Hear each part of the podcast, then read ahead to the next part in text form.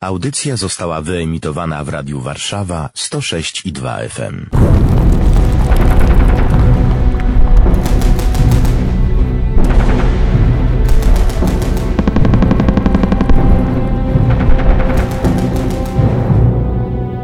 Warszawa pamięta!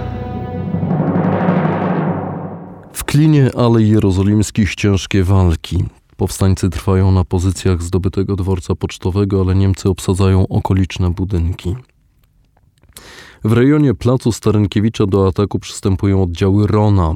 Po ciężkich bojach nieprzyjaciel zmusza oddziały zgrupowania Chrobry II do wycofania się z budynku dyrekcji wodociągów i kanalizacji, a także domu turystycznego, gmachu wojskowego, Instytutu Geograficznego i Starostwa Powiatowego.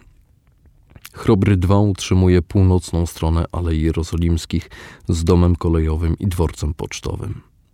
Dom kolejowy trwa do dziś jako świadectwo. Ostrzelany, poobijany, a dworca nie ma.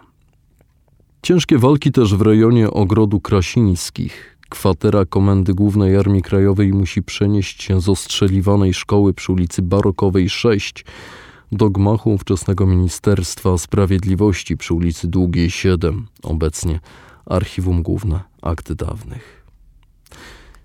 Zwracam się do doktora Bartosza Łukaszewskiego, socjologa, badacza Powstania Warszawskiego.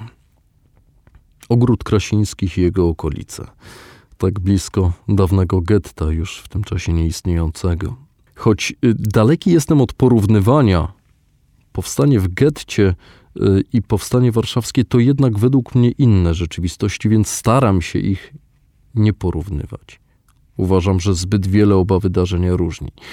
To jednak miasto jako substancja właśnie w tym rejonie doświadczyło tej pożogi podwójnie w 1943 i 1944 roku. Jak pana zdaniem, mimo wszystko, mimo wszystko o to zapytam, te dwa zrywy się naświetlają i czy w 1944 roku pamięć o tym, co się działo nieco ponad rok wcześniej, była? To pytanie jest pytaniem stosunkowo kontrowersyjnym, może paradoksalnie, ale jednak tak. Dlaczego? Przede wszystkim należy tu zwrócić uwagę na różnicę w rozpoznawalności obu zrywów na polu pamięci historycznej świata zachodniego, czy szerzej ujmując, cywilizacji judeo-chrześcijańskiej. Powstanie w getcie to fakt powszechnie znany, natomiast powstanie warszawskie bywa mylone z powstaniem w getcie zarówno z racji niewiedzy, jak i szeroko pojętej polityki historycznej. Mimo, że skala obu zrywów była nieporównywalna i to powstanie warszawskie było właśnie największym zrywem w okupowanej Europie. Naturalnie. Powstanie w getcie było natomiast zrywem typowo godnościowym, bez najmniejszych szans na powodzenie, wspieranym przez Armię Krajową, głównie ze względów etyczno-moralnych. Powstanie warszawskie stanowiło element wojennej układanki geopolitycznej i jako taki do dziś stanowi wyrzut sumienia zachodnich elit. Mówimy wszakże o masowej skali oporu w stolicy sojuszniczego państwa, o walkach, które po pierwszych czterech dniach zakończyły się opanowaniem według różnych szacunków od 66 do 75% terenów objętych bezpośrednimi działaniami. Oczekiwanych ówcześnie zrzutów jednak nie było w związku ze stalinowskim szantażem, a opanowany teren z dnia na dzień zaczął się zmniejszać, pętla zaczynała się zaciskać. Jeszcze kilka lat temu wspominanie o powstaniu w roku 1944 uważano za politycznie niepoprawne w odniesieniu do pamięci zrywu zapoczątkowanego 19 kwietnia 1943 roku. Profesor Witold Kierzun wspominał rozmowę ze znajomym rektorem jednego z uniwersytetów holenderskich.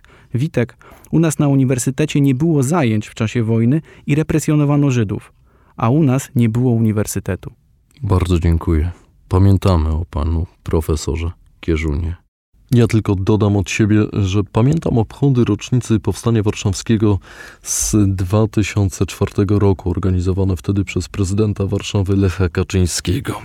Niezależnie od tego, jaki ma się stosunek do powstania i jak ocenia się rozkaz do podjęcia walki, pamięć jest ważna, będziemy o tym rozmawiać w kolejnych dniach. Pamięć jest ważna, konieczna, to część naszej narodowej tożsamości.